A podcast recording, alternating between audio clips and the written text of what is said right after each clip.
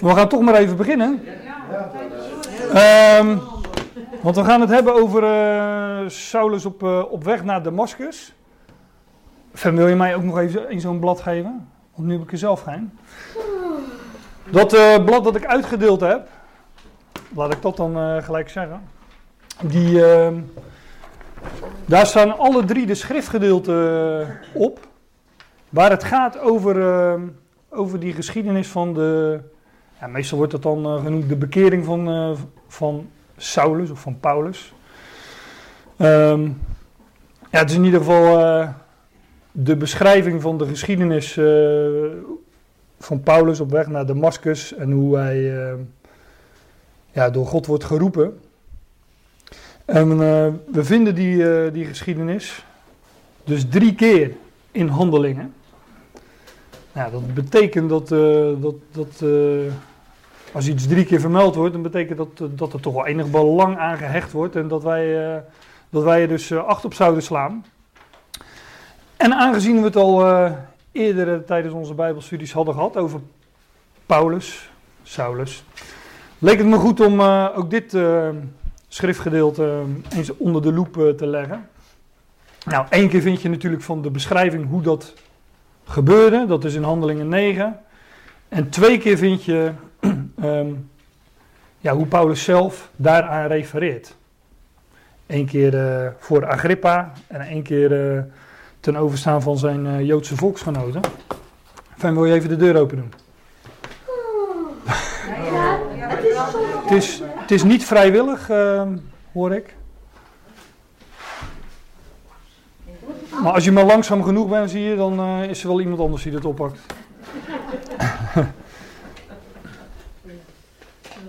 Nou, wat ik wil doen. ehm, het, leek me, ge- het leek me goed, eh, eventueel ook als naslagwerk, om die eh, drie schriftgedeeltes gewoon eens naast elkaar te zetten op een, eh, op een stencil. eh, zodat, je, zodat je ze snel naast elkaar kunt eh, lezen.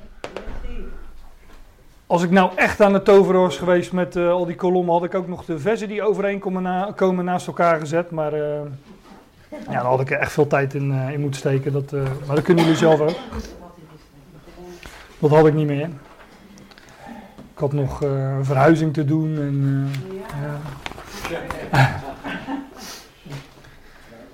Wij gaan eerst naar Handelingen 9, want daar wordt het dan daadwerkelijk beschreven.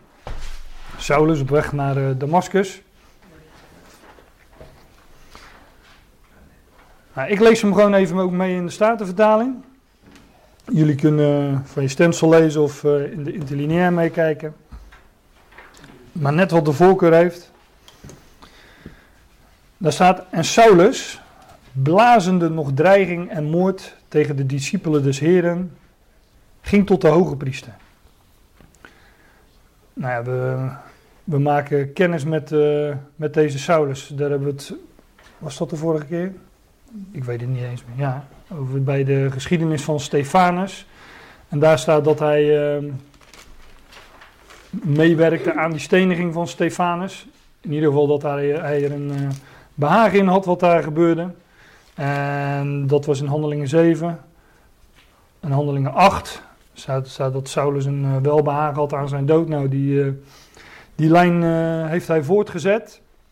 En hier in Handelingen 9, 9 lezen we dan uh, hoe Saulus op weg gaat naar Damascus.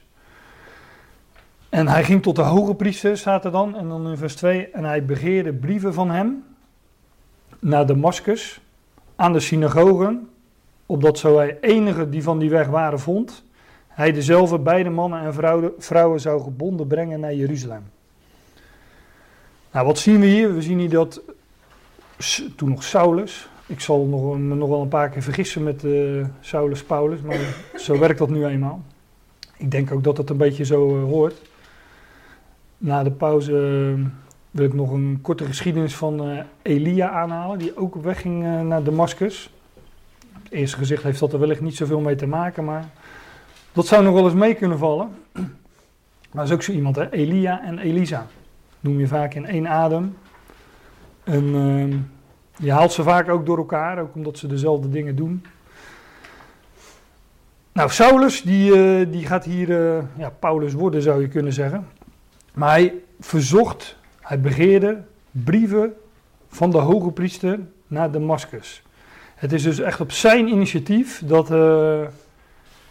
ja, op zijn initiatief dat, dat hij mensen die van die weg waren, zoals het dan in dit vers staat, hoe hij die gevangen zou nemen en hoe hij die zou, zou brengen naar Jeruzalem. Ook in Handelingen 26, dan is het stensel even makkelijk. Handelingen 26, vers 12 staat. En wanneer ik onder die omstandigheden naar Damascus ga, met de autoriteit en volmacht van de overpriesters, nam ik ook koning midden op de dag enzovoorts. Maar ik ging dus op weg met autoriteit en de volmacht, dus een uh, gedelegeerde macht van, uh, van de overste van de priesters, van de hoge priester. En, Paulus die. Uh, het, het, werd hem niet eens gevraagd. Nee, hij vroeg zelf of hij alsjeblieft brieven mocht krijgen. Om, uh, ja, om die mensen die van die weg waren. gevangen te nemen en te, te binden en naar Jeruzalem te brengen. En hij zegt ook in, nou, bijvoorbeeld in Filippenzen 3. dat hij naar de ijver. een vervolger was van uh, de gemeente. En ook in Gelaten 1, ook een schriftgedeelte wat we hier een keer op zondag uh, uh, behandeld hebben. Daar zegt hij, ik heb, uh, dus even statenvertaling wat ik citeer, maar ik heb uitnemend zeer de gemeente van God vervolgd. Zo was een groot vijand van die gemeente. Hij had er alles aan gedaan om die, om die ecclesia, die gemeente, secte zoals, dat, elders genoemd, zoals hij dat elders noemt, om ehm, om die eh, te vervolgen en die te, te vernietigen, te verwoesten. nou, Paulus noemt het, uh, nou ja, Lucas noemt het hier, de schrijver van uh, Handelingen, die het beschrijft. Hij noemt het hier opdat, hij, opdat zo hij enige die van die weg waren. En uh, die weg, dat is een, een term die we aantal keren vinden in het uh, boek Handelingen. In ieder geval ook in uh, Handelingen 22, vers 4. Dus dat staat ook weer uh, in dit schriftgedeelte. Daar staat: Ik vervolg deze weg tot de dood. Door mannen en vrouwen te binden. En hen over te leveren in de cel. En daar is het ook Paulus die ja, op de trappen, maar daar kom ik straks nog wel op, zijn, uh, zijn uh, volksgenoten toespreekt. Als Paulus voor een andere stadhouder staat, voor Felix, in Handelingen 24, dat staat dan uh, even niet op het stensel. In Handelingen 24, vers 14. Klik ik er dan wel even bij, want dat is daar wordt niet alleen de weg genoemd, maar daar wordt het ook een, een secte genoemd.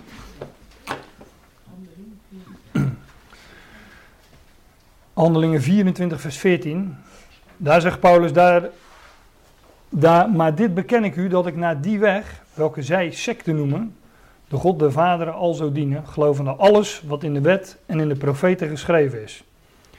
Dus die weg wordt eerst vervolgd door Paulus. Hè, dat, uh, en hij, degene die van die weg waren, wilde hij gebonden brengen naar Jeruzalem. En later zegt hij: Dit beken ik u, dat ik naar die weg, welke zij secte noemen, de God de Vader al dienen, dienen, laat maar vallen, gelovende alles wat in de wet en in de profeten geschreven is. Nou, we vinden die, uh, die aanduiding de weg een aantal keren in de handelingen, een keer of zeven, acht meen ik. En daar gaat het over uh, zij die geloofden in de Heer Jezus Christus als, uh, als de Messias. En nou er wordt hier het woord sect in de Statenvertaling gebruikt. In de interlineair zie je het woord groepering, want dat, dat is eigenlijk een secte. Een secte is iets dat uh, afgescheiden is van, een, uh, ja, van iets anders. Een, een, groepering of een afscheiding. Of, nou ja, dat, dat waren de, de gelovigen in die tijd natuurlijk ook, want doordat zij geloofden in de Heer Jezus Christus als Messias, werden, werden zij ook afgescheiden van, uh, van hun Joodse volksgenoten. Maar de weg, ja, ik, dat doet ons natuurlijk ook denken aan wat de Heer Jezus zelf zei. Hè? Ik ben de weg, de waarheid en het leven. Of ik ben de levende ware weg, of de ware weg ten leven. Hè, dat zijn, uh, zijn natuurlijk drie zelfstandige naamwoorden die, uh, die je ook door elkaar kan gooien en bijvoeglijk kan maken. En dan, uh, ja, dan weet je waarvan het spreekt. Hij is de weg, de waarheid en het leven. Dan ga ik verder in, uh, in vers 3.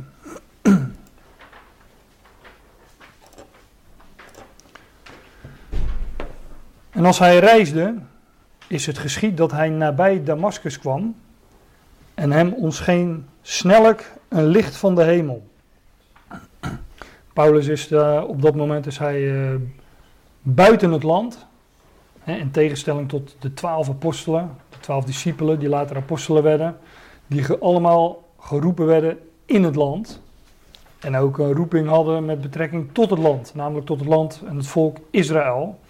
En Paulus, die een bediening had voor de natie, die werd afgevaardigd als apostel van de natie, ja, die wordt geroepen buiten het land op, uh, op de weg bij of nabij en op weg naar Damascus. dat was midden op de dag. Dat lees je ook in uh, 22 vers 6.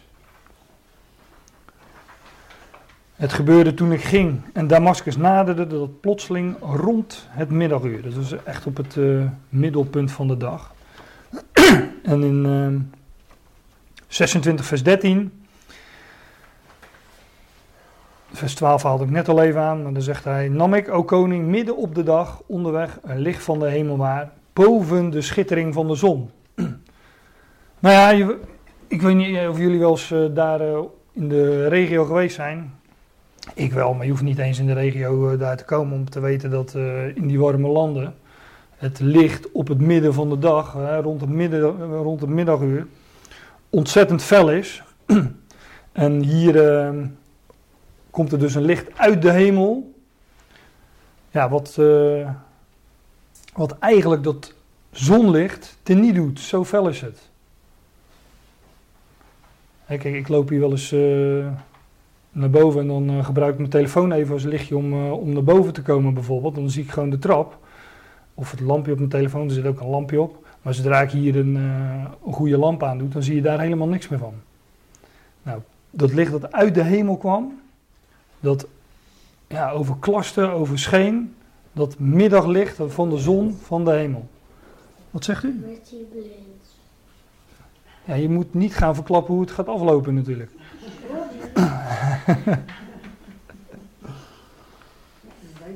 ja, hij werd blind inderdaad, ja, van dat licht. Maar daar zijn we nog niet.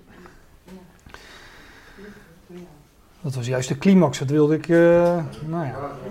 Oh, raadsel.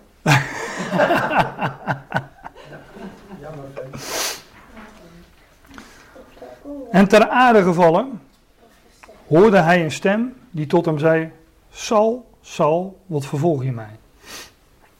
Dat is wel, dat is wel mooi, want um, Damascus, ik heb gezocht naar de betekenis van die naam, die is tamelijk. Uh, um, ja, over, over het algemeen weet men niet wat Damascus betekent. En dan denk ik altijd, er zijn altijd wel handboeken die het wel weten, maar die zijn dan niet zo betrouwbaar. Dus als vrijwel niemand het weet, dan kun je het altijd zelf verzinnen natuurlijk.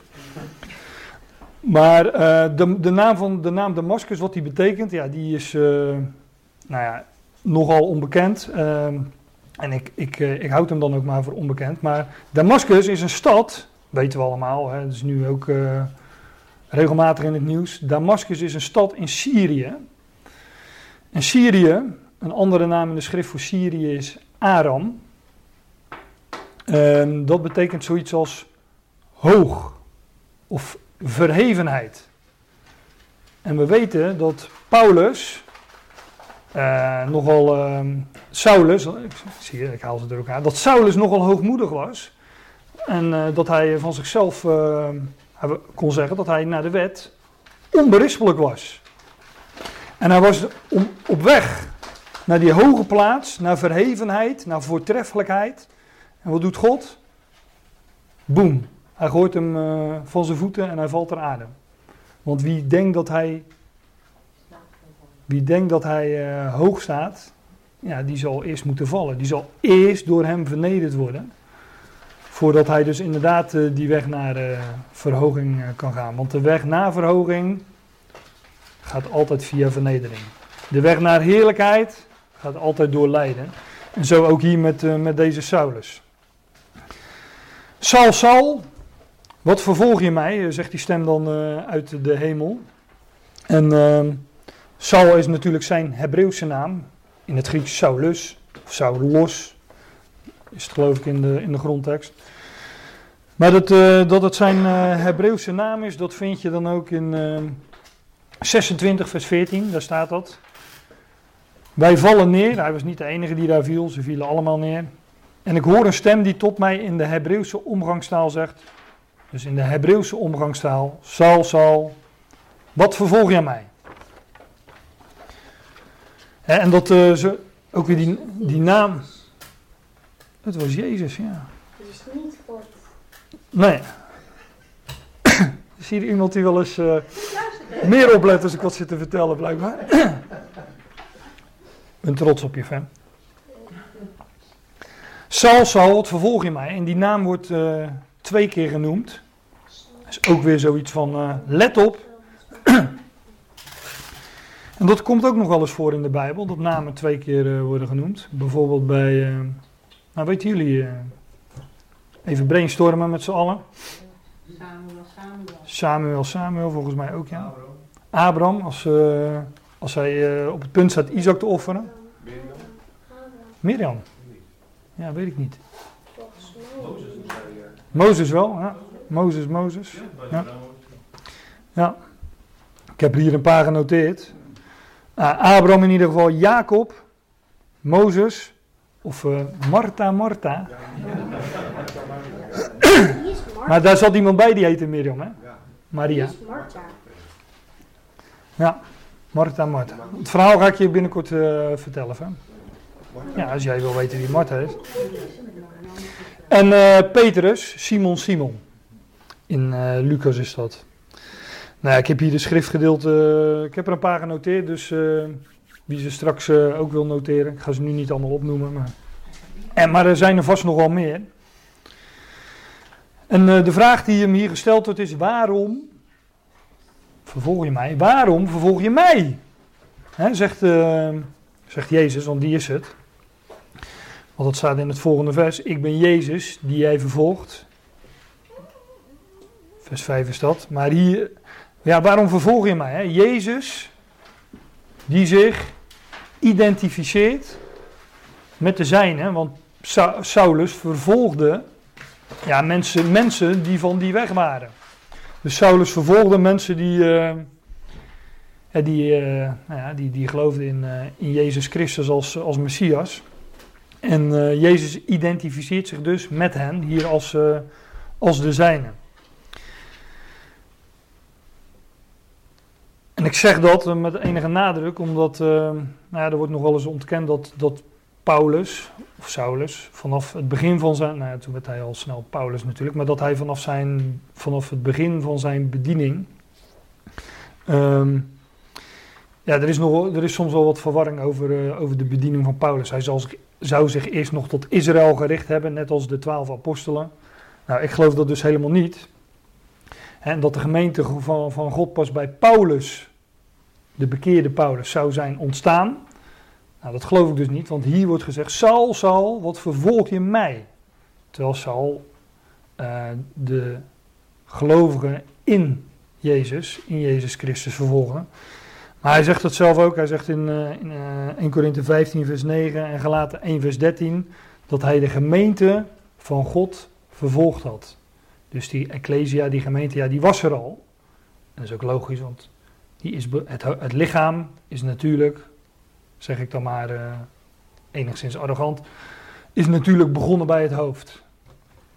Dat is wat ik geloof in ieder geval. En, uh, en ieder die uh, zij in zijn eigen gemoed ten volle verzekerd daarover. Ja, in ehm, de Statenvertaling staat dan in vers 5: Wie zijt gij, heren? En hij zeide, wie zijt gij, heren? En hij, en de Heer zeide, ik ben Jezus die gij vervolgt. Dan staat in de Statenvertaling, het is uw hart de verzenen tegen de prikkels te slaan. Dat staat ehm, in de interlineair, zie je het hier ook niet.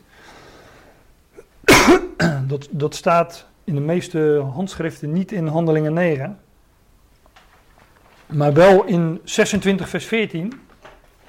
Dus daar kan je het weer wel eh, zien. Dus het is, eh, waarschijnlijk is het daar vandaan gehaald en in Handelingen 9 erbij gevoegd. Er staat, eh Saul, Saul, waarom vervolg je mij? Het is hard voor jou om tegen de stekels te trappen. Ik heb in de studiebijbel, want wat is dat nou precies, dat, eh, ja, die, die, die opmerking, want het is voor jou hard om tegen de stekels te trappen. Ik denk, ik kan, eh, ik kan dat wel op een dia zetten in PowerPoint, maar ik kan het net zo goed even voorlezen uit de studiebijbel.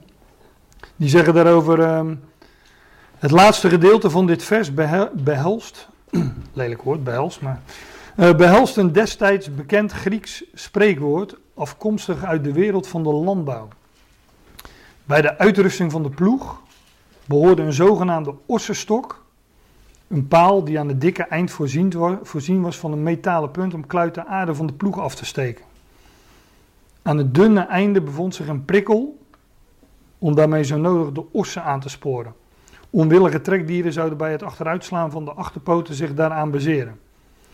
De woorden van Jezus betekenen hier dat verzet tegen het werk van God, tegen Jezus en zijn volgelingen, geen zin heeft. Met het vervolg van de heiligen, van gelovigen dus, vecht de apostel tegen God. Zoiets zal het dus eh, betekenen. Alleen ik kom zelf niet uit de landbouw, dus ik, eh, ik weet dan niet door eigen ervaring, eh, zeg maar. De landbouwtrekkers hebben dat niet nodig. hè? Nee, tegenwoordig is dat een beetje ingehaald, eh, inderdaad. Maar zoiets zal het inderdaad bet- betekenen, dat hij zich verzet tegen iets waarvan, waar hij, tegen hij zich in ieder geval niet zou moeten verzetten. Saul, Saul, wat vervolg je mij? Het zouden ook woorden van David geweest kunnen zijn. Hè? Bijvoorbeeld toen, eh, toen hij die slip van eh Sauls mantel had afgesneden in die spelonk. En dat hij daar stond en hem riep van. eh, hij riep zoiets als, eh, volgens mij als eh, Saul, koning van Israël. Maar hij had ook kunnen zeggen: Saul, Saul, wat vervolg je mij? David natuurlijk als, eh, ook als type van, eh, van de Heer Jezus Christus. En Saul, net als Saulus, een type van Israël, levend onder de wet. Nou, en eh, dan staat er in eh, vers 6. En hij bevende en verbaasd zijnde zeide: Heere, wat wilt gij dat ik doen zal? en de Heer zeide tot hem: Sta op en ga in de stad. En u zal aldaar gezegd worden wat gij doen moet. Ja, bevend en, eh, en verbaasd.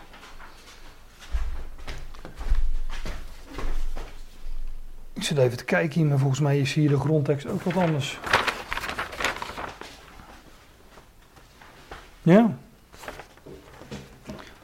In de Statenvertaling staat hier eh, bevend en verbaasd zijnde, maar ik zie dat nu pas. Staat er ook niet blijkbaar. Ja.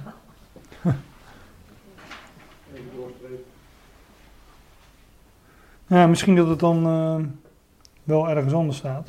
Maar het kan me wel voorstellen dat hij bevend en verbaasd geweest is. Want eh, ja, hij was natuurlijk zijn hele leven had hij toegewijd aan iets. Waarvan hij eh, nu in, in een fractie van een seconde wist dat hij, ja, dat hij de verkeerde weg gegaan was. Dat hij zich ingezet had om een leugen te bestrijden waarvan hij nu in plotsklaps wist dat het de waarheid was. De ware levende weg, weet je wel. Of de ware weg te leven. Die weg die hij vervolgde. Nou, en dan staat er eh, in vers 7. en de mannen met, die met hem overweg reisden stonden verbaasd. Horende wel de stem, maar niemand ziende. Ja, men zegt vaak. eh, dit moet ik ook wel gezegd hebben als we dit schriftgedeelte eh, behandelen. Zij hoorden wel de stem, maar niemand ziende. Hij ziet in handelingen. Even kijken, mijn aantekening. Handelingen 22, vers 9. Er staat: En die samen met mij zijn, slaan het licht en gade, maar de stem van degene die tot mij spreekt, horen zij niet. Nou, dan zegt men vaak van ja, dat is, eh, dat is dus een tegenstelling. Dus uh, zo zie je maar, zeg maar dan, dat, uh, dat Lucas ook fouten maakte. Maar ik geloof sowieso niet. kijk, ik geloof wel dat Lucas dit geschreven heeft. Maar dat, dit deed hij door Gods geest geïnspireerd. Dus um, als wij blijkbaar. ik ga dan eerder van uit dat wij dan blijkbaar iets niet begrijpen. Als wij denken dat dit een tegenstelling is. Want Gods geest, ja, die maakt, die maakt dat soort fouten natuurlijk niet. Dus blijkbaar is er iets wat uh, dat wij over het, uh, over het hoofd zien. Ik denk dat het heel simpel is. Laat ik het eerst even uitleggen zonder iets te laten zien. ik denk dat, uh, dat men in het ene schriftgedeelte, Handelingen 9, dat daar staat dat men wel hoorde van de stem. Dus men hoorde wel stemgeluid, om het zo te zeggen. en dat er in het andere. Dat, kijk, zij hoorden wel iets, maar ze hoorden niet wat er gezegd werd. Laat ik het zo samenvatten. En hier staat. Uh, dan, dan wordt het heel grammaticaal. Hier in Handelingen 9, vers 7, staat het in een tweede naamval. Zij hoorden van de stem. Maar als je van de stem hoort, betekent dat nog niet dat je ook hoort wat er gezegd wordt. Trouwens, gebeurt zo vaak dat je tegen mensen praat, dat ze horen dat je praat, maar dat ze niet begrijpen wat je zegt. ja.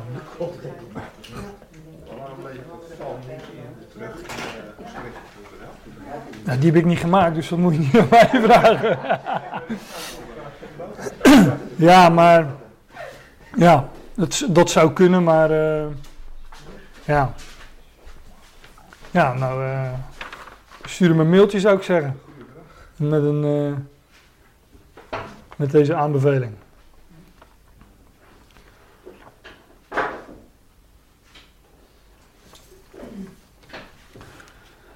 Maar daar wil ik uh, verder niet al te diep uh, op ingaan. Dat is natuurlijk een hele technische kwestie.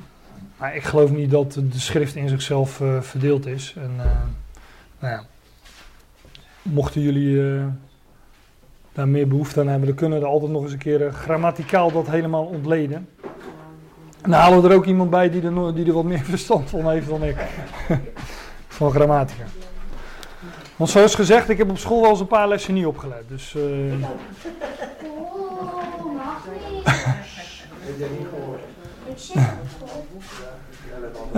dan ben ik uh, aangekomen in. Uh, wat gaan we doen, dame? Ik denk echt hier.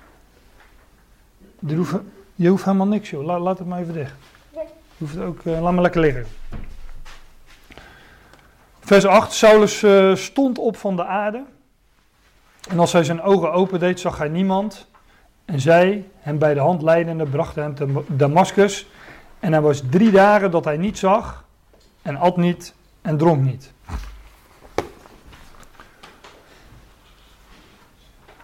En dan lees je in het vervolg, maar dat ga ik niet helemaal lezen. Dat lees ik overigens wel even in uh, Handelingen 22 vanaf vers 12. Want daar staat eigenlijk in twee versen samengevat wat hier uh, beschreven wordt in Handelingen 9, wordt van vers 10 tot uh, vers 19. Maar hier staat in Handelingen 22, vers 12. en een zeker Ananias, een toegewijd man naar de wet, die door alle Joden die daar wonen een getuigenis werd gegeven, komt naar mij toe en hij staat bij mij en hij zei tegen mij: Sal broeder, kijk weer. En op hetzelfde uur kijk ik weer naar hem. Dus op de derde dag worden de ogen van Saulus geopend. Saulus is hier natuurlijk, dat zei ik net al, een beeld van Israël onder de wet. daar, daarvan staat ook dat zij uh, verblind uh, waren, doof, blind enzovoorts. Maar op de derde dag maar dan heb ik het over uh, dagen van duizend jaar, op de derde dag zullen hun ogen geopend worden. Jullie kennen het schriftgedeelte toch wel van 2 Petrus, waarin Petrus zegt, ja, over het, over het geduld van onze Heer. Petrus verwachtte dat de Heer spoedig zou wederkomen. dat vinden we in zijn toespraken in uh, Handelingen 2, Handelingen 3. Maar aan het eind van zijn leven, als hij een brief schrijft, zijn laatste brief, 2 Petrus, in het laatste hoofdstuk, zegt hij van ja, de Heer is geduldig. Het zal nog wel even gaan duren. Want inderdaad, hij komt op de derde dag, maar één dag is bij de Heer als duizend jaar. En duizend jaar is bij de Heer als één dag. Oftewel, Petrus zegt, ja, er moet eerst twee dagen van duizend jaar voorbij gaan en dan op die derde dag zal hij terugkomen. En daar noemt hij, overigens, hij zegt eigenlijk, als je daar meer over wil weten, dat uh, is pittige kost. Die dingen zijn zwaar om te verklaren, maar dan moet je bij onze geliefde broeder Paulus zijn. Die spreekt daarover in al zijn brieven, zegt hij. Misschien moeten we het over dat schriftgedeelte van Petrus ook maar eens hebben, want dat is, al, uh, dat is wel een uh, heel interessant gedeelte. Maar Saulus hier als beeld van dat Israël, dat twee dagen blind zou zijn, twee dagen van duizend jaar. En op de derde dag worden zijn ogen geopend. Saulus wordt Paulus. Hè, zoals Jacob, over het algemeen een aanduiding voor een ongelovig Israël. Hè. Jacob die zelf wel aan de slag ging en uh, zelf wilde regelen dat hij zijn eerstgeboorterecht kreeg. Er komt een moment ook in Jacobs leven dat hij zegt van... Uh, Heer, laat u niet gaan tenzij gij mij zegent. En dan is het Israël. Dan wordt Jacob Israël gaat hij ook over de Jabok. Ja, Jabok wordt Jacob. Jacob wordt Israël. Nou ja, dat zijn allemaal van die. Uh, we vinden dat dus nogal eens dat namen veranderd worden in de Bijbel. Zelfs omgedraaid. Hè? Jabok, Jacob. Uh, Jacob wordt Israël. Saulus wordt Paulus. Abraham wordt Abraham. Enzovoort. Maar die Saulus, daar had ik het over, is hier een beeld van Israël. Twee dagen van duizend jaar verblind. En op de derde dag zullen zijn. Uh, zullen ook, ja, worden Saulus zijn ogen geopend, maar zal ook het, de ogen van het volk Israël geopend worden. Overigens, wat gebeurde er toen? Hier verschijnt Jezus. Ik ben Jezus die jij vervolgt. Hier verschijnt Jezus aan Saulus. Wat gebeurde toen Jezus verscheen aan het volk Israël? Ik bedoel gewoon bij zijn komst. Uh, nou, loopt tegen kerst. Zij werd geboren in Bethlehem. Uh, op zijn, nou, op zijn eh, dertigste begon zijn publieke optreden, zeg maar. Maar ze verwierpen hem. En wat gebeurde toen Jezus dus verscheen aan Israël? Ze werden verblind. Ze werden verblind en ze verwierpen hem. En ehm, ze kruisigden hem, ze brachten hem te dood. En hier verschijnt Jezus en Saulus, ook dat is een parallel natuurlijk. Jezus die verscheen aan Israël, het volk werd verblind. Jezus die verscheen aan Saulus, Saulus werd verblind. En op de derde dag op de derde dag worden alle ogen geopend. het licht kwam tot de zijnen, maar de zijnen hebben hem niet aangenomen enzovoorts. Hè? Maar Israël zal hem zien na die twee dagen van duizend jaar. Ja, en dan nog, wat, wat is het eerste, daarom heb ik dat even gelezen, wat, wat is het eerste dat Paulus ziet? Saulus, ja. Maar Ananias. Ananias, zijn naam, Ganania, Ananias is Grieks, Ganania is de Hebreeuwse versie. Weet jullie wat dat betekent? Yahweh, Ganan is gein, Yahweh is genadig. Het eerste wat Paulus ziet als hij zijn ogen open doet is Yahweh is genadig.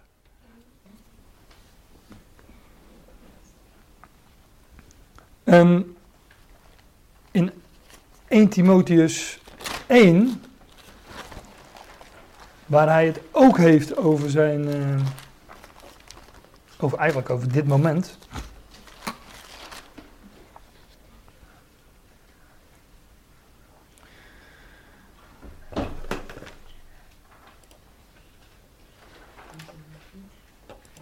Die zegt hij het gewoon in klare taal.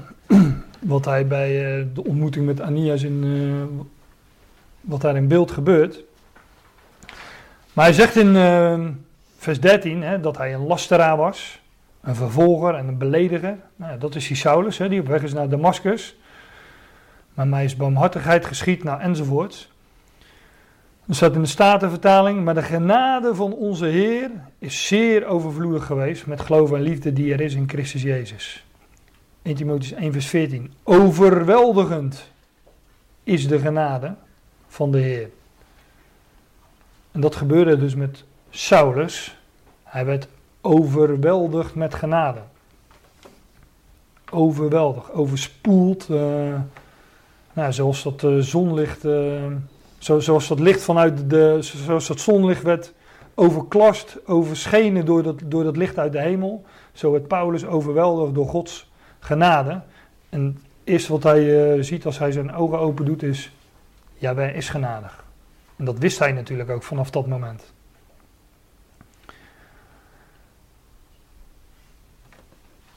Ja, in, iemand riep al, hij zag hem.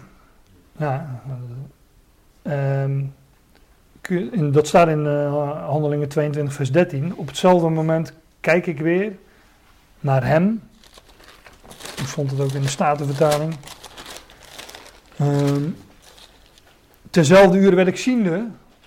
Op hem staat er. Maar is nou hem met een kleine letter of met een hoofdletter, denk ik, elke keer als ik het lees. Nou ja, sowieso letterlijk zag hij natuurlijk ook die uh, Ananias, die Ganania. Maar in type zag hij daarmee op, ja, is genadig. Dus hij zag op hem. En Saulus wist ook vanaf dat moment van mijn eigen werken. Ik was al naar de wet onberispelijk, maar waar leidde het uh, hem naartoe? ja, nergens heen, op weg naar Damascus. En het was God die hem greep. En vanaf dat moment wist hij ook van ja, ik hoef, ik, van mezelf hoef ik niet, niets te verwachten. Ik kan alles van hem verwachten. En werd hij ziende op hem. Overigens uh, staat in de staatstelling de handopleidende. Dat staat uh, ook niet terug. Die in de... Nee. Nee. Nou ja. Het staat dan in handelingen 22 vers, uh, 9 vers 7. Uh, nee? 9 vers...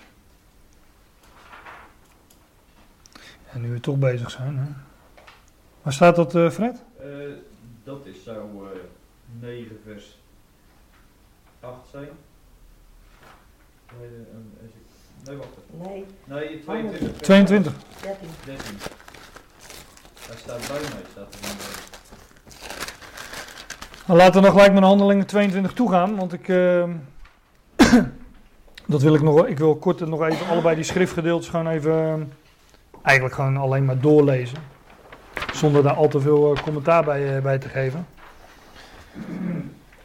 Want in, uh, in handelingen 22 vers 13, hè, zei je? Ja.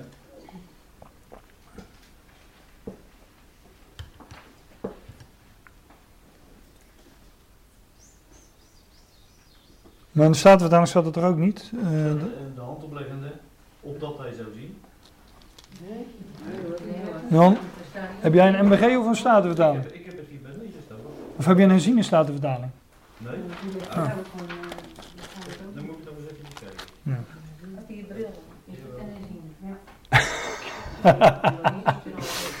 Gelukkig zeg jij dat, Carla. Want dat zouden wij niet durven natuurlijk. Nee, ik neem nog even die uh, schriftgedeelte door, een beetje op een uh, redelijk... Nee, dat is uh, 9 vers 12 in staat staan. 9 vers 12, die heb ik niet afgedrukt. En de Oh ja. 9 12? Ja, vandaar dat ik het mis. 9 vers 12. Staat in de origineel? Ja, 12. Ja. En dan nog wat is Zo, die heb je niet afgedrukt. 9 vers 12, even kijken hoe dat hier staat. Hier staat het wel in de grondtekst blijkbaar. Ja. Ja.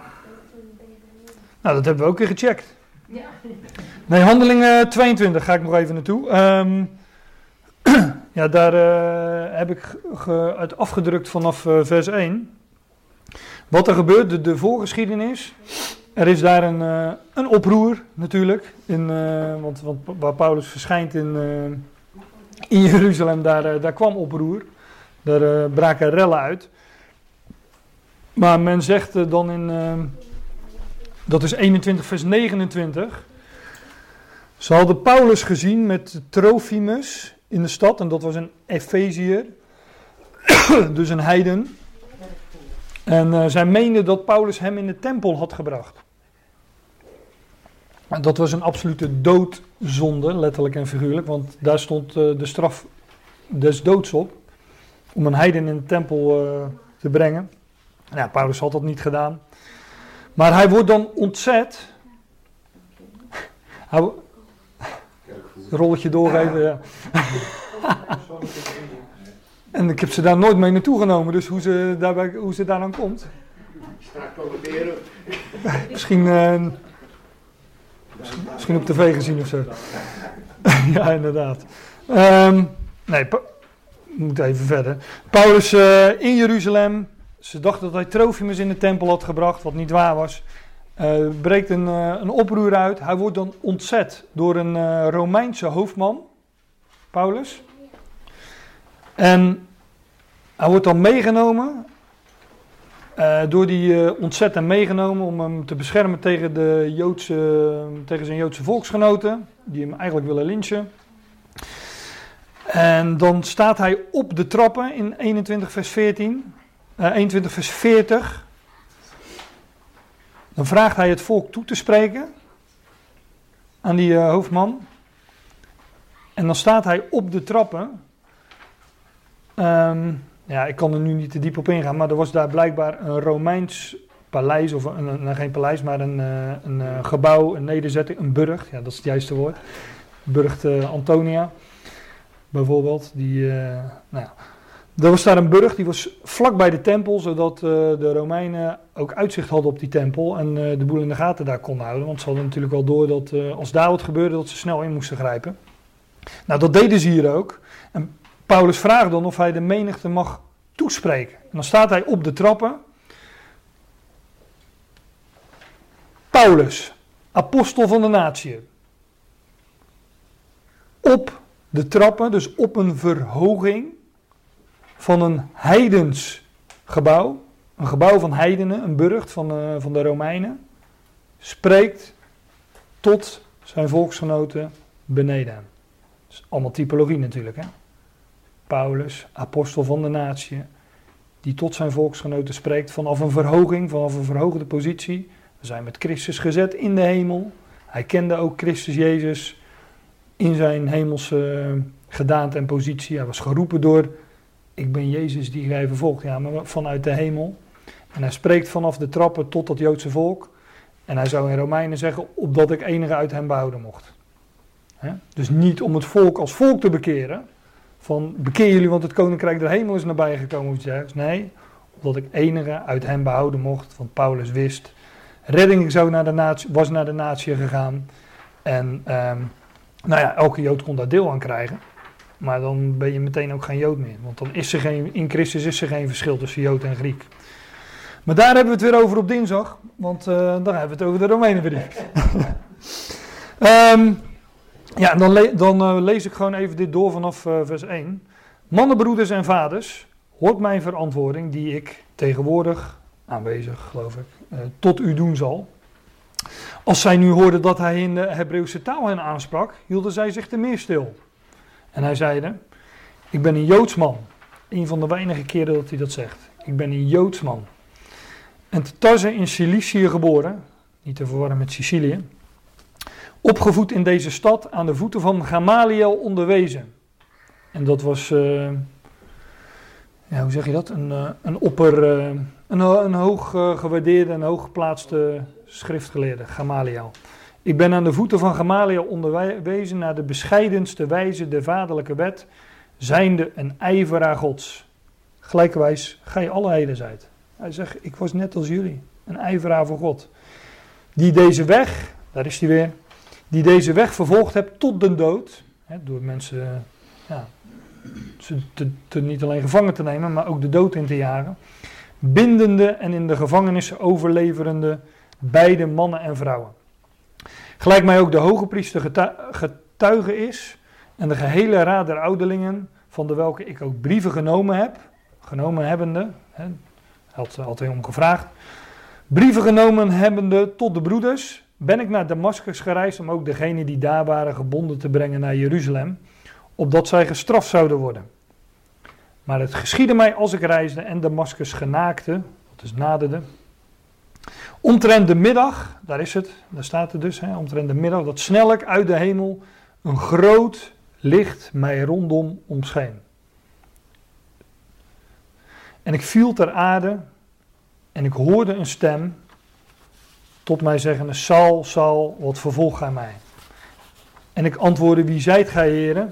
En hij zeide tot mij, ik ben Jezus de Nazarene, welke gij vervolgt. En die met mij waren, zagen wel het licht en werden zeer bevreesd, maar de stem van degene die tot mij sprak, hoorde zij niet. En ik zeide, heren, wat zal ik doen? En de Heer zei tot mij, sta op. opstanding, sta op. Ga heen naar Damascus en al daar zal met u gesproken worden van al hetgeen u geordineerd is te doen, waartoe hij bestemd was. En als ik vanwege de heerlijkheid deszelfde licht niet zag, hè, hij was dus, werd dus blind, zo werd ik bij de hand geleid van degenen die met mij waren. En ik kwam de, de, de Damascus en een zeker Ananias, een godvruchtige man naar de wet, goed getuigenis hebbende van al de Joden die daar woonden, kwam tot mij. En bij mij staande zeide hij tot mij, Saul broeder, word weer ziende. En tezelfde uren werd ik ziende op hem. Nou, ik lees het gewoon door, want ik hoef er eigenlijk niks meer aan toe te voegen, want we hebben het, uh, hebben het over gehad. Nu nog even naar handelingen 26. En dan zijn we rond.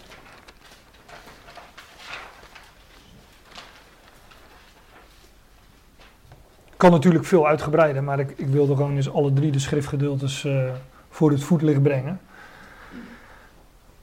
Um, en dat uh, binnen een uh, redelijk kort tijdsbestek. Ja, in handeling 26 is weer een wat andere situatie, maar daar staat uh, Paulus voor Agrippa. Weer een andere, is het, koning of stad, koning is het geloof ik. je, je, hebt nogal wat van die lui in, in de, die laatste hoofdstukken van handelingen. Festus, ehm, Felix, Agrippa. Ook die hou je makkelijk door elkaar natuurlijk. Maar Agrippa in Handelingen 26. Um, ik lees maar gewoon vanaf vers 9, 8 of 9. Even kijken. Ja, ik val toch midden een gedeelte, dus ik uh, gewoon vers 9. Ik meende waarlijk bij mijzelf dat ik tegen de naam van Jezus van Nazareth vele wederpartijdige dingen moest doen. Hij moest veel tegenmaatregelen nemen, staat er in de vertaling van geschriften. Het welk ik ook gedaan heb te Jeruzalem, en ik heb vele van de heiligen in de gevangenissen gesloten. De macht, ook hier weer een volmacht, hè, autoriteit, de macht van de overpriesters ontvangen hebbende. En als zij omgebracht werden, stemde ik het toe. En door al de synagogen heb ik hen dikmaals gestraft en gedwongen te lasteren. En bovenmate tegen hen woedende heb ik hen vervolgd, ook tot in de buitenlandse steden. Dat is nog wat, hè? want Saulus toen nog, hij nam ze niet alleen gevangen, maar hij dwong ze ook om te lasteren, hè? om die naam te lasteren. Dus... Dat was een baasje hoor. Ja, dat was een baasje, ja. um, vers 12, waarover ook als ik naar Damascus reisde, hè, met macht en last, autoriteit en volmacht, uh, autoriteit en macht met toestemming, welke ik van de overpriesters had, dan gaat hij het vertellen, zag ik ook koning in het midden van de dag weer op het midden van de dag, op de weg licht, boven de glans der zon. Van de hemel, mij en degene die met mij reisden, omschijnende. En als wij allen ter aarde nedergevallen waren, hoorde ik een stem tot mij spreken en zeggen in de Hebreeuwse taal: Sal, Sal, wat vervolgt gij mij? Het is uw hart tegen de prikkels de versenen te slaan. Nou, hier staat die opmerking van die uh, prikkels en die versenen in ieder geval wel. Zij zullen ze wel van geleend hebben in Handelingen 9. En ik zeide, wie zijt gij heren? En hij zeide, ik ben Jezus, die gij vervolgt. Maar richt u op, dat opstandingen, oprichten. Als je die mist, sta op uw voeten. Want hiertoe ben ik u verschenen, om u te stellen tot een dienaar en getuige van de dingen, beide die gij gezien hebt, en in welke ik u nog zal verschijnen. Waaruit we ook meteen weten, maar daar hadden we het ook al over toen we Galaten 1 en 2 bespraken, dat de Heer vaker aan Paulus is verschenen, vaker dan deze ene keer. En daarom ging hij niet te raden bij vlees en bloed, maar hij ging naar Arabië, want daar is de berg Sinaï. En uh, daar werden hem dingen geopenbaard, niet door vlees en bloed, maar door, uh, door God zelf. Richt u op, sta u op uw voeten, want hiertoe ben ik u verschenen om u te stellen tot een dienaar en getuige van de dingen, beide die gij gezien hebt en in welke ik u nog zal verschijnen. Verlossende, ja letterlijk staat er uittillende, uittillende u van dit volk en van de natie tot de welke ik u nu zende. Om hun ogen te openen, dat is bij hem zojuist gebeurd, hij, wist, hij wist wat het was, om hun ogen te openen en hen te bekeren van de duisternis tot het licht en van de macht van Satan tot God, opdat zij vergeving van zonde ontvangen en een erfdeel onder de geheiligden door het geloof in mij. Dat is wat de Heer tot hem zegt. Nou, daar hoef ik verder niet, uh, niet zoveel aan toe te lichten, want we hebben dat uh, zojuist besproken. Dus, maar zo hebben we deze drie schriftgedeelten eens uh, naast elkaar gelegd. En dan na de pauze heb ik nog een Toegif. Ja, een toegif of een toetje. Ja, laten we het daar op houden. Maar, eerst is daar koffie. Ja, het toetje dan maar, hè. Wat was het? De, de kers op de taart. Nee, de laatste tijd houdt de geschiedenis van de geschiedenissen van Elia en Elisa, die houden me nogal bezig. Um, ja, daar, eh, daar spelen zich ook van die dingen af. Hè. Je hebt Saulus Paulus, Elia werd opgevolgd door Elisa. En, uh, sleep ik dat dan aan de haren erbij? Nou, nee, want Paulus heeft het zelf in Romeinen 11 ook over Elia. Dus dat gaan we dan eerst maar even lezen, voordat ik naar de geschiedenis van Elia heen ga, waar uh, hij aan refereert.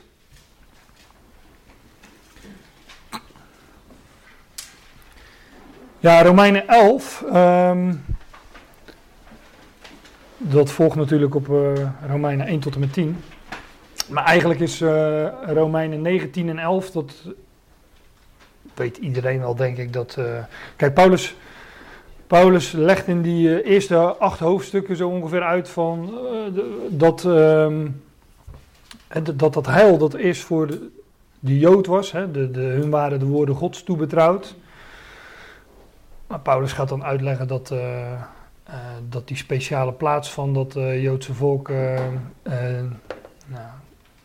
Ik vat het even heel kort en daardoor niet zo heel precies samen natuurlijk. Maar dat, dat, dat die speciale plaats voor het Joodse volk daar niet meer was. Dat er geen. dat, dat het evangelie dus het goede bericht ook naar de natieën ging was gegaan. En dan is de vraag in Romeinen 11: en dat zegt hij dan ook, ik zeg dan, heeft God zijn volk verstoten? Dat is natuurlijk een logische vraag. Want dat volk was een uitverkoren volk. God had het volk uitverkoren als um, nou ja, heilsorgaan, dat is geen woord uit de schrift, maar wel een uh, redelijk bekend woord. Maar in ieder geval um, als zijn instrument om de natie, juist via dat Joodse volk, zou, zouden de volkeren gezegend worden. Nou, Paulus legt uit dat die speciale plek uh, voor het Joodse volk, uh, dat, het, dat het volk tezijde is gesteld. Ja, dan zou de volgende vraag zijn: Heeft God zijn volk dan verstoten? En dan zegt hij in de Statenvertaling: Dat zij verren, mogen dat niet worden, of volstrekt niet, zegt de MBG, geloof ik. Want ik ben ook een Israëliet. Uit het zaad van Abraham van de stam Benjamin. God heeft zijn volk niet verstoten, het welk hij tevoren gekend heeft. Paulus zegt dus, nou ja, ik kom ook uit dat volk en ik ben ook een gelovige en ik ben, uh, uh, ik hoor ook bij hem, dus daaruit blijkt dat God zijn volk niet verstoten heeft, want ik ben ook uit dat volk. En dan zegt hij, of weet gij niet wat de schrift zegt van Elia? Hoe hij God aanspreekt tegen Israël, zeggende, Heren, zij hebben uw profeten gedood en uw altaren omgeworpen en ik ben alleen overgebleven. En zij zoeken mijn ziel. Maar wat zegt tot hem het goddelijk antwoord? Ik heb mijzelf nog 7000 mannen overgelaten die de knie voor het beeld van Baal niet gebogen hebben. Alzo is er dan ook in deze tegenwoordige tijd een overblijfsel, geworden na de verkiezing der genade. Paulus zegt alleen, ik eh, ga het even parafraseren, alleen al het feit dat ik een gelovige ben is een, uh, is een teken dat God zijn volk niet verstoten heeft. Want ik ben ook uit dat volk, zegt hij. En dan noemt hij een voorbeeld van Elia uit het Oude Testament, waarin Elia dacht. En ook tegen God zegt: Ja, ik ben de enige die nog over is. En uh, nu zoeken ze ook mijn ziel. Ze, nu willen ze mij ook te grazen nemen. Oftewel, maar dan zegt God: van nee, jij bent niet de enige Elia. Er zijn er nog 7000 die de knieën voor Baal niet gebogen hebben. En Paulus zegt dan: Net als toen was er een overblijfsel. Nu is er ook een overblijfsel. Zelfs zeg dan maar, zelfs uit dat volk. Altijd is er een overblijfsel uit Israël geweest, ook al volgde het volk en masse uh, andere goden en afgoden. Er is altijd een overblijfsel geweest dat wel geloofde.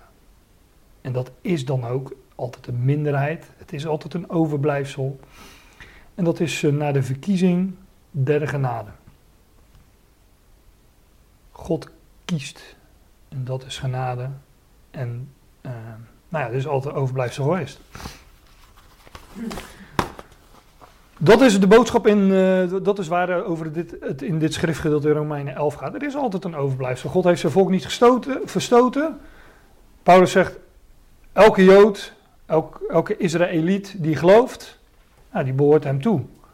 Alleen de speciale positie van het volk, als volk, ja, dat is als volk terzijde gesteld. Die positie heeft het niet meer. En God verzamelt zich nu een volk uit al die naties voor zijn naam. En daar mogen zelfs Israëlieten toe behoren.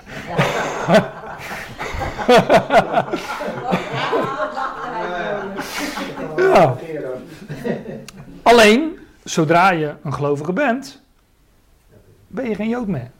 Want in Christus is Jood nog Griek en uh, is slaaf nog vrij. Die, al die posities, die, die, die zijn er niet in Christus. In Christus zijn we allemaal gelijk en behoren hem allemaal toe. En um, val, vervalt ook dat onderscheid van uh, of je nou Nederlander bent of Jood. Dat, dat, dat, maakt niet uit. Dat is, dat is allemaal gelijk. Dat, de, de Jood staat, heeft daarin geen streepje meer voor. Uh, alleen het volk als volk heeft die positie niet meer. Nou, nu gaan we naar 1 Koningin 19. Want daaruit haalt uh, Paulus deze, deze woorden aan.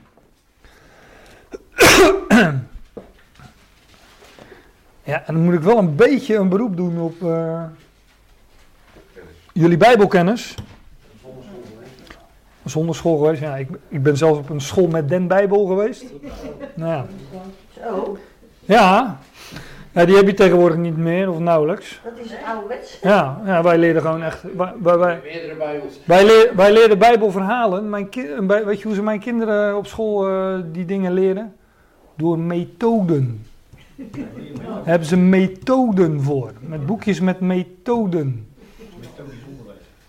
Nou, ik ken een, een schriftplaats in de schriften, daar wordt ook gesproken over iemand die methoden gebruikt. Ja. Namelijk om te misleiden. ja. Maar het is, nou, dat even tussendoor. Je gaat dus kinderen de schrift onderwijzen met methoden. Nou, dat is een onderschatting van de schrift zelf, als je het mij vraagt. Want Gods woord heeft kracht. Vertel gewoon tegen de kinderen Gods woord. Vertel hoe het er staat, wat er staat. En uh, dat woord doet zijn uitwerking wel. Maar zij denken dat er door methoden ze beter geleerd kan worden. Nou ja. Wij hadden vroeger ook van die methoden, bijvoorbeeld met geschiedenis. Weet je wel, zo'n verhaaltje van toen en nu. Zodat je dat beter in een bepaalde context kon plaatsen. Nou, zo zal dat op school uh, ook ongeveer al. Ik weet niet hoe dat gaat, want ik ben er nooit bij. En, uh, ja, waarschijnlijk wel. maar ik weet dat ze wel eens uh, um, thuiskomen met van, uh, de, dat, dat er iets verteld wordt dat ze zeiden van, uh, dat is niet zo. dat zit anders. Dus dat is wel goed. Zo zie je maar dat het woord inderdaad zijn werk doet. Ook al zijn ze nog zo klein. Onderschat het woord niet. Ik bedoel, waarom methoden om iemand het woord te leren? Gewoon het woord. Ja, maar je ziet dan een nieuwe vertaling van de Bijbel. Ja, nou ja, dat zijn ook dat, dat zijn vertaalmethoden inderdaad. Ja, inderdaad. En, uh, en het... Uh, ik weet dat dominee Voort zei een keer, we gingen de Hij zegt, eh, dan gaan we een handel. Hij zegt, jullie onderschatten de kracht van de Heilige Geest, zei hij. Ja, ja. Zo was het voor. Of het handel is, is ook nog de vraag natuurlijk.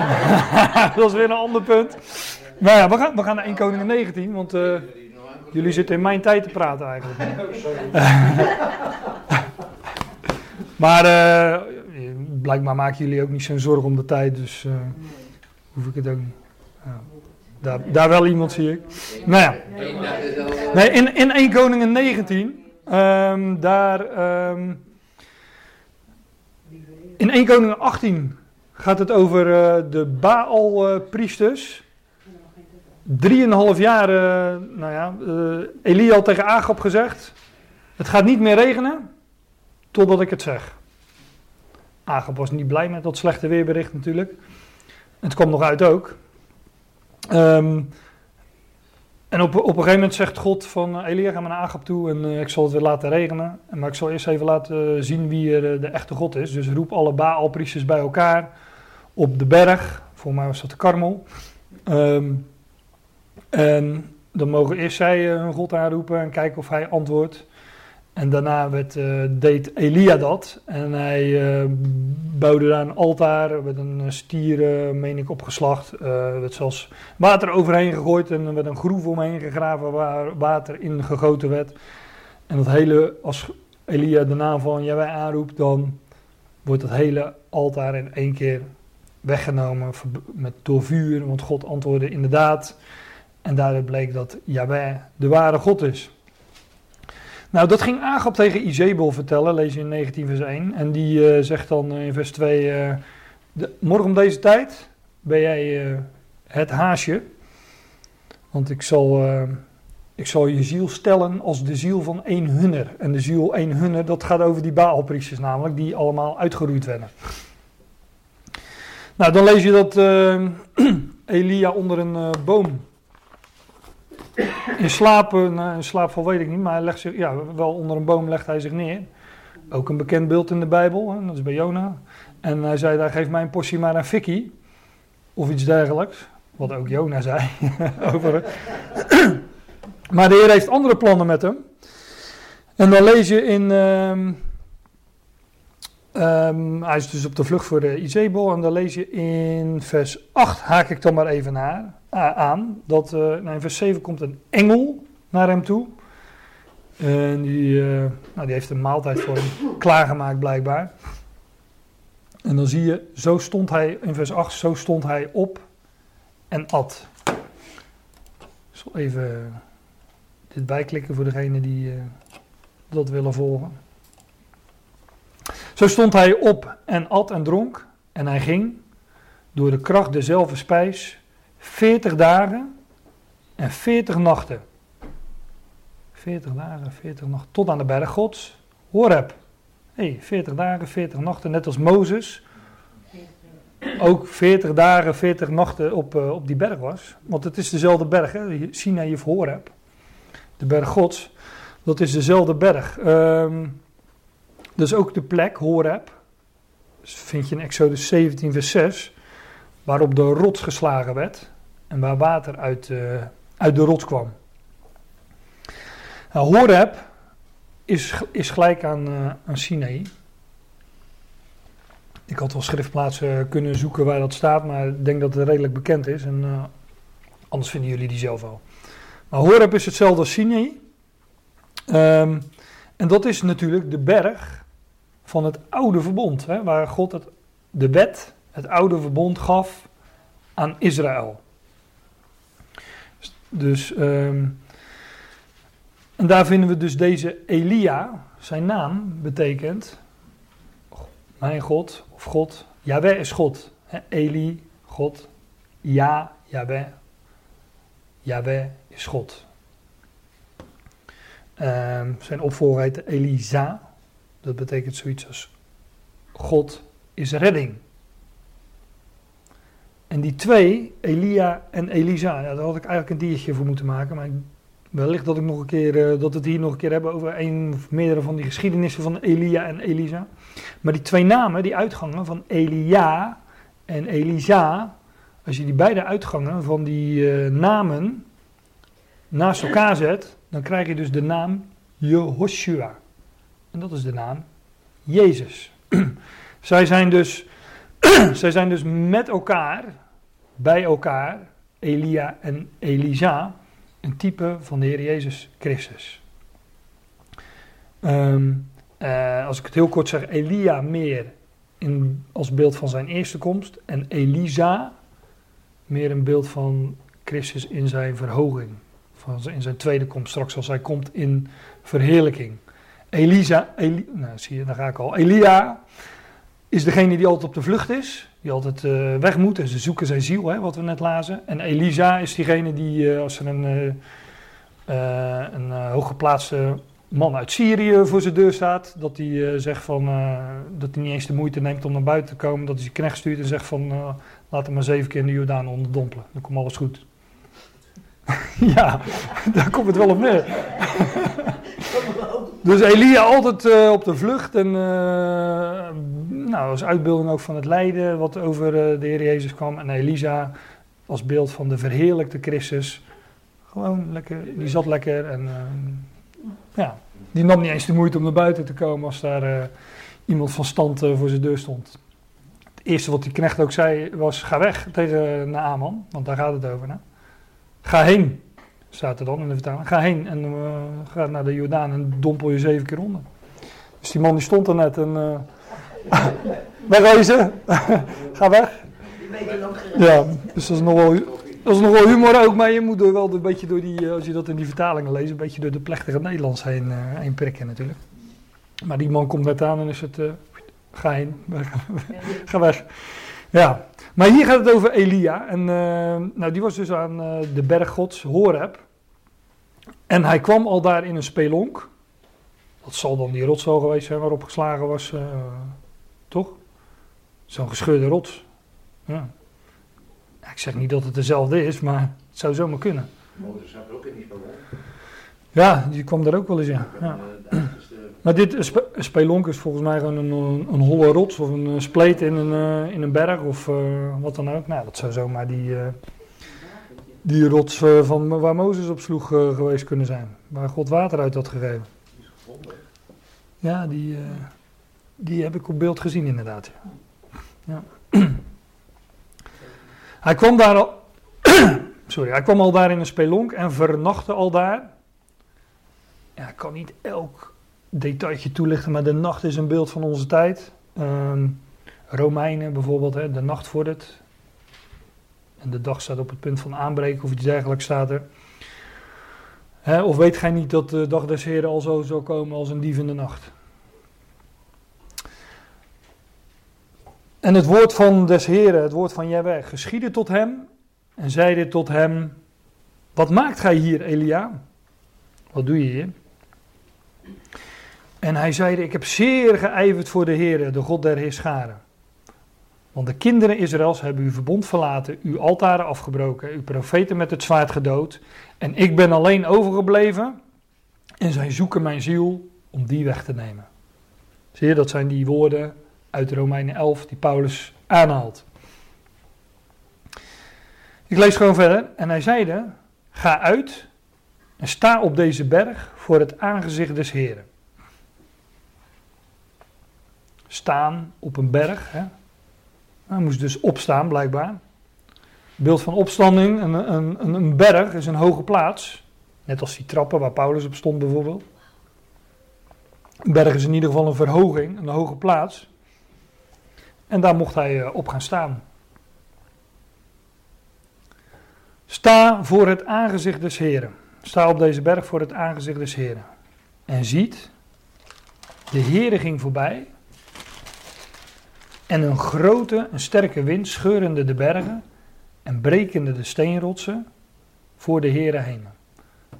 Maar de, doch, maar de Heere was in de wind niet. En na deze wind een aardbeving. En de Heer was ook in de aardbeving niet. En na de aardbeving een vuur en de Heer was ook in het vuur niet. Stop ik even.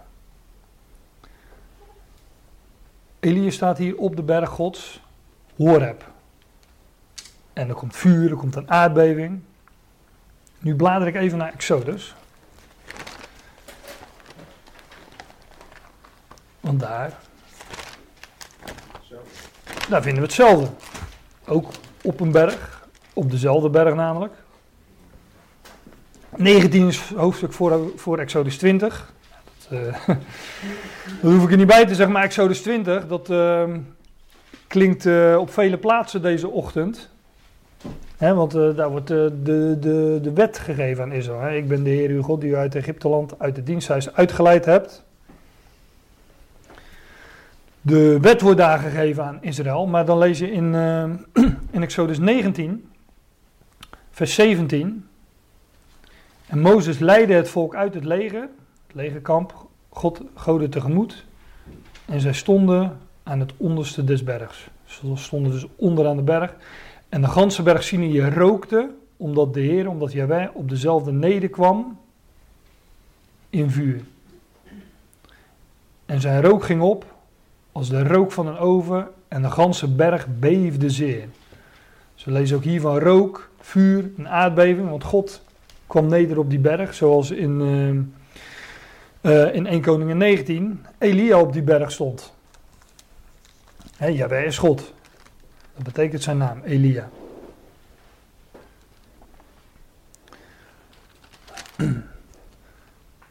Wat we vinden in 1 Koningin 19 is een uitbeelding van de overgang van het oude verbond ja, naar het nieuwe verbond. Van eh, een, rokende, eh, een berg met vuur en een, een aardbeving. Maar er staat, God, Jahweh was in, in die wind niet en Jahweh was in die aardbeving niet. En hij was ook in het vuur niet. En dan zie je in vers eh, 12 van 1 Koningen 19. Het tweede gedeelte van het vers. Hè, hij was ook in het vuur niet. En na het vuur het zuizen van een zachte stilte.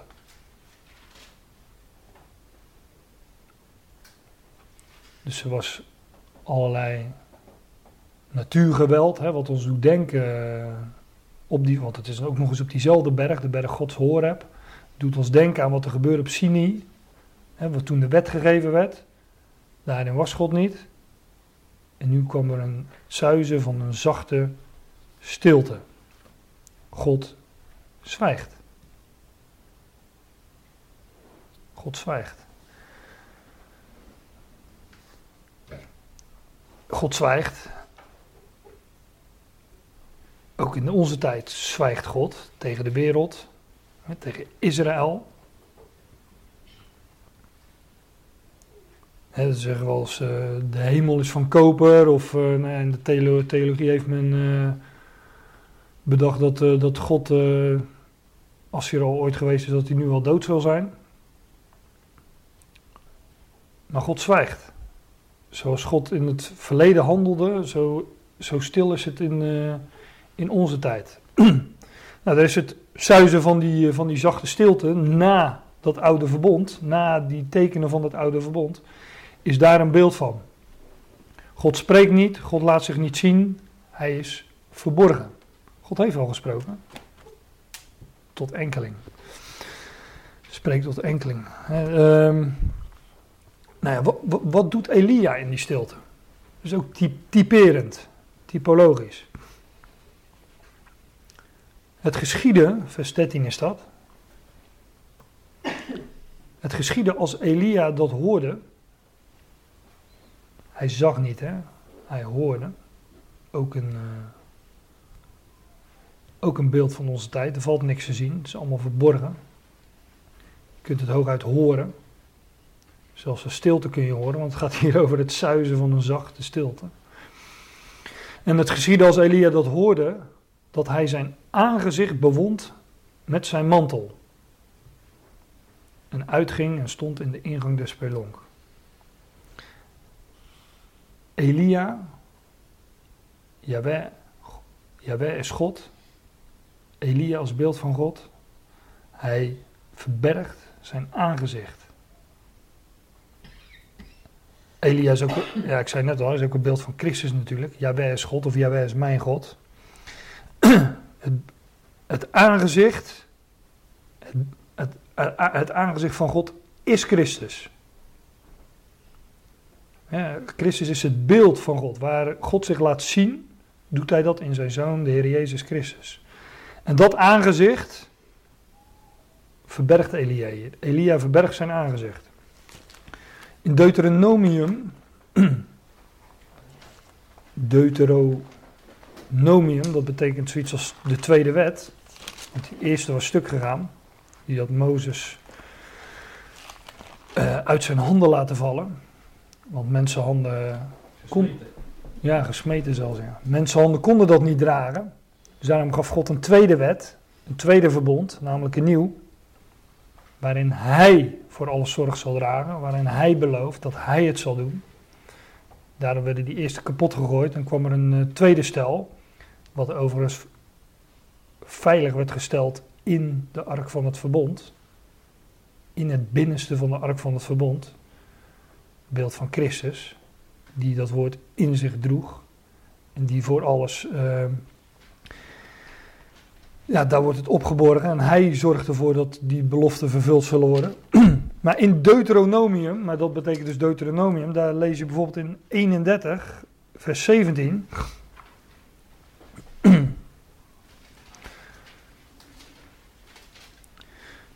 31 vers 17. Zo zal mijn toorn te dien dagen tegen hetzelfde, dus tegen het volk Israël. Zo zal mijn toorn te dien dagen tegen hetzelfde ontsteken. En ik zal hen verlaten en mijn aangezicht van hen verbergen. Ik zal mijn aangezicht van hen verbergen. Dat zij te spijzen zijn en vele kwade en benauwdheden zullen het treffen. Enzovoort. En dan in vers 18 staat het nog een keer. Ik, ik dan zal mijn aangezicht te dien dagen ganselijk verbergen. Die zal wel staan in het Hebreeuws verbergende verbergen. Dat, uh, zo wordt dat dan meestal vertaald in de Statenvertaling, zo'n Hebreïsme, waarin dat woord dan twee keer gebruikt wordt. Ik zal mijn aangezicht de diendagen verbergende verbergen. Om al het kwaad dat het gedaan heeft.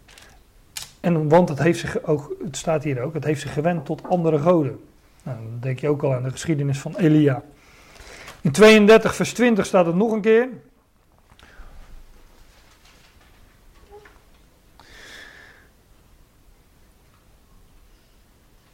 En hij zeide, God zeide, ik zal mijn aangezicht van hen, ook hier weer over Israël natuurlijk, verbergen.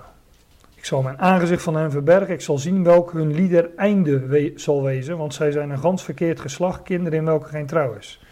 God verbergt zijn aangezicht voor zijn volk, ook voor de wereld. En uh, ja, zijn aangezicht, zijn, zijn beeld, zijn, zijn aangezicht is ook Christus. En ook hij is, ja, hij is verborgen in de hemel. En er valt dus, uh, er valt dus ook niets te zien. Daarom zegt Elia ook, het staat hier ook het geschieden als Elia dat hoorde, dat hij zijn aangezicht bewond met zijn mantel en uitging en stond in de ingang van de spelonk. En ziet een stem komt tot hem die zeide, wat maakt gij hier Elia? En dan gaat hij het nog een keer zeggen, want het gaat... Uh, en hij zegt, hij zeide, ik heb zeer geijverd voor de Heer, de God der Escharen, want de kinderen Israëls hebben uw verbond verlaten, uw altaren afgebroken en uw profeten met het zwaard gedood en ik alleen ben overgebleven en zij zoeken mijn ziel om die weg te nemen.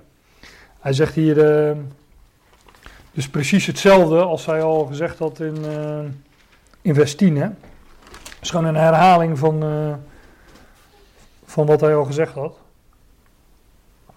Want het gaat over de aan, het gaat hier over de aanvang van de verborgenheid. Over de aanvang waarin God zich een volk verzamelt uit de heidenen voor zijn naam. Ja, een volk van eerstgeborenen. En die ontvangen een dubbel deel. Dus uh, nou ja, dan vind je wel eens dubbelen.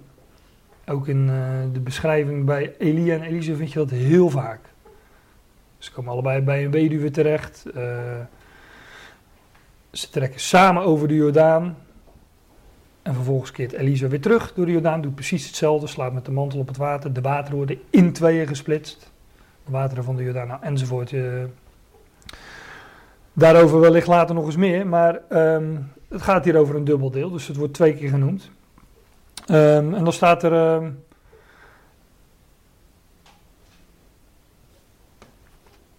de Heere zeide tot hem, vers 15... Ga, keer weder op uw weg naar de woestijn van Damascus. En ga daarin en zalf Hazael ten koning over Syrië. Nou ja, ehm, de, hier valt natuurlijk eh, heel veel over te vertellen, maar het is wel frappant dat Elia, Elia wordt gestuurd naar Damascus, naar het buitenland, om daar een koning te zalven. Dat is toch apart? Een, uh, een, een Israëlitisch profeet die een koning moet gaan zalven in Syrië. Oké. Maar in, ja, het is ook allemaal weer typologisch natuurlijk. In het buitenland, onder de natie, wordt een koning gezalfd. Uh, zalving, ik denk dat ik dat wel even kan laten zien. Moet ik even twee versen doorklikken hier. Zalving, jij zalf staat hier, maar dat is gewoon het Hebreeuwse woord Mashiach. Messiassen is het dan uh, het werkwoord, maar het, het, hij, moest een koning zalven. Wat anders dan. Ja, dat is wat anders dan Jonas. Maar hij moest, hij moest een, uh, een koning zalven. Een koning, hij moest van die koning Messias maken. Dat zou je zo kunnen zeggen. Hij moest hem, hij moest hem uh, Mashiachen. Hij moest de Messias van die Hazael maken, een gezalfde. En dat gebeurt onder de natie. Speelt zich af buiten het blikveld van Israël. En hij zalft daar die, uh, zalft daar die Hazael tot koning. Overigens, het gebeurt allemaal hè, in, in, in de, op weg naar, uh, hoe staat het er precies? Naar de woestijn van Damascus, dus naar de, op de, nou, misschien was het wel dezelfde plek als waar, uh, waar we het voor de pauze over hadden, waar Saulus werd geroepen vanuit de hemel door, uh, ja, door de Heer die, uh, die daar verborgen was in de hemel. Door Christus Jezus. Nou, ik zei al, die de, ik zei al de, de, de betekenis van Damascus is onbekend. Maar de, de naam Syrië betekent hoog verheven, voortreffelijk. Daar kwam ook die, uh, daar kwam die Naaman, waar, waar we het net even over hadden, en uit de geschiedenis van Elisa, 2 Koningen 4 of 5 is het, meen ik. Die kwam daar ook vandaan, hè? Maar die was melaats. En hij moest eerst weg bij die hoge plaats. Ook hij moest eerst vernederd worden. Een zeven keer dompelen in de Jordaan. En pas dan zou hij genezen van die melaatsheid. Wat een beeld is van, van de zonde of van de dood. Maar op diezelfde, nou ja, ongeveer op dezelfde plek, laat ik, het, laat ik voorzichtig zijn, daar uh, wordt deze Hazael ten koning gezalfd over Syrië door de profeet van God buiten het blikveld van Israël. Uh, en wat Hazael, dat betekent zoiets als God heeft gezien. Of door God gezien. Of hij heeft God gezien of iets dergelijks. En wie, zag, wie zag ook God? Of wie zag het beeld van God, het aangezicht van God op die, op die weg naar Damascus? Dat was dezezelfde Paulus, als waar we het voor de pauze over hadden. En die in Romeinen 11 deze geschiedenis aanhaalt. Ja, ik weet wel, hij haalt dit vers niet aan, maar wel uh, het vers, de versen uh, ervoor. En nog eentje erna ook overigens, daar kom ik straks nog op. Maar hij haalt wel die vers aan en dan is het wel de bedoeling dat we ook even doorlezen natuurlijk. Dus een schitterend plaatje van een, uh, een koning die zich bevindt onder de natie. En die, Paulus zegt van, ik ben geroepen, wanneer het God behaagd heeft, zijn zoon in mij te openbaren. Hè? Dus Christus was verborgen in de hemel en Paulus was degene die hem openbaarde, onthulde aan de natie. En uh, ja, daar is uh, de, de, de, er wordt dan over gesproken over een koning hier die gezalfd wordt buiten het blikveld van Israël. Die is de Messias, de gezalfde, onder de natie in Syrië op een hoge en verheven plaats, want dat betekent Syrië. Um, en um, die man die heet Hazael. God heeft gezien, of heeft God gezien, of door God gezien. Net als Paulus. God had gezien op die weg naar Damascus. Nou, dat zijn wat mij betreft uh, overeenkomsten die, uh, die er dik bovenop liggen. Ik lees gewoon nog even verder. Ja, er staan nogal wat namen in dat volgende vers. Dus ik, ik, zeg gewoon wat het eh, betekent. En dan eh, ehm, mogen jullie daar zelf je conclusies uit trekken. Ik zal zeggen wat ik er voor conclusie uitgetrokken heb. Het staat aan jullie om ook je conclusies te trekken. Maar ik ga er niet heel diep op in, eh, want het zijn nogal wat namen. Ehm, daartoe zult gij, vers 16 is dat, daartoe zult gij Jehu, die kennen we, tenminste als je op de zon, jullie waren op ik hoorde iemand zeggen dat hij op de zondagschool is geweest. Jehu is diegene die eh, een eh, rol speelde bij de dood van Izebel, die we hiervoor ook al tegenkwamen. Daartoe zult gij Jehu, zijn naam betekent hij zal leven. Daartoe zult gij Jehu, de zoon van Nimsi, zalven de koning over Israël. Nimsi betekent uitgetrokken of gered. Dat doet mij toch eh, denken aan eh, de uitgeroepenen, hè, de Ecclesia. Ook gered, maar ook uitgetrokken. Daartoe zult gij Jehu, hij zal leven, de zoon van Nimsi, uitgetrokken, gered. Zalven ten koning over Israël. Israël, het tienstammenrijk, dat verdween in de ballingschap in Assyrië. Eh, en Elisa, zijn naam betekent, dat zei ik al, mijn God is redding. Elisa, Jehoshua, Elisa. De zoon van Safat. Safat betekent rechter. Kennen we bijvoorbeeld van eh Josafat. En die komt van Abel Mehola. Zult gij tot profeet salven in uw plaats. Die Abel Mehola is gelukkig een plaatsnaam, want anders was ze de heer Amehola geweest. Amehola.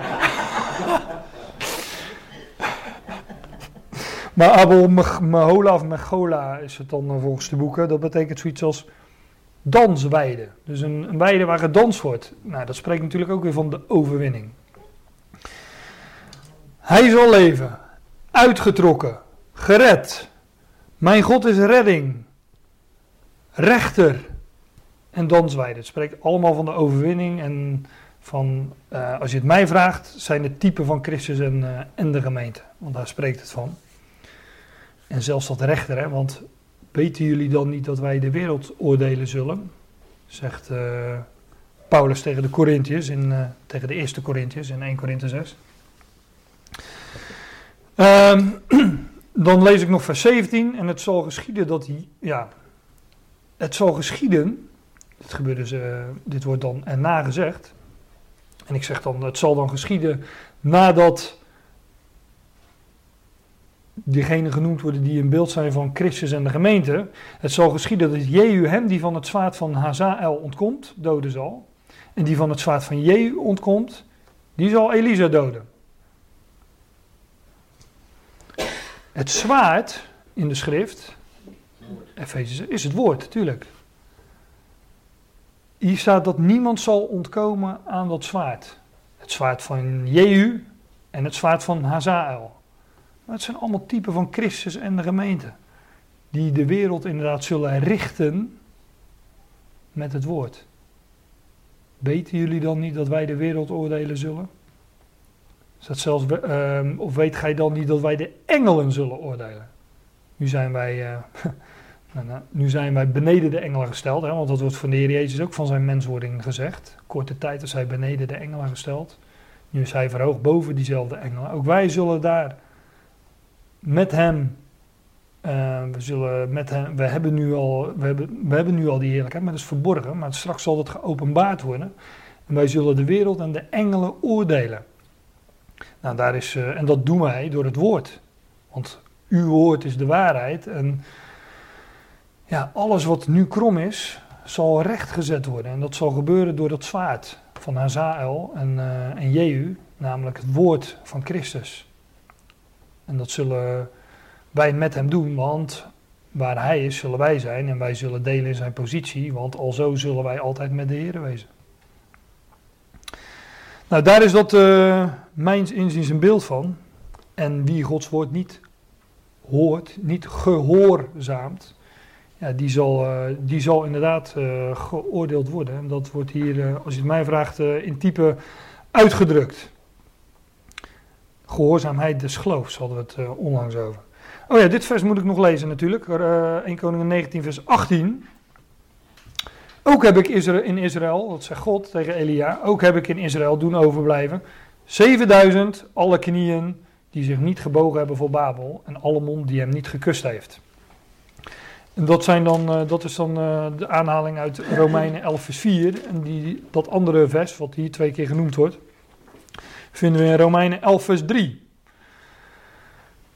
Nou, dat had veel uitgebreider gekund, maar eh, we zijn in blessuretijd, dus ik ga het hier eh, echt bij laten.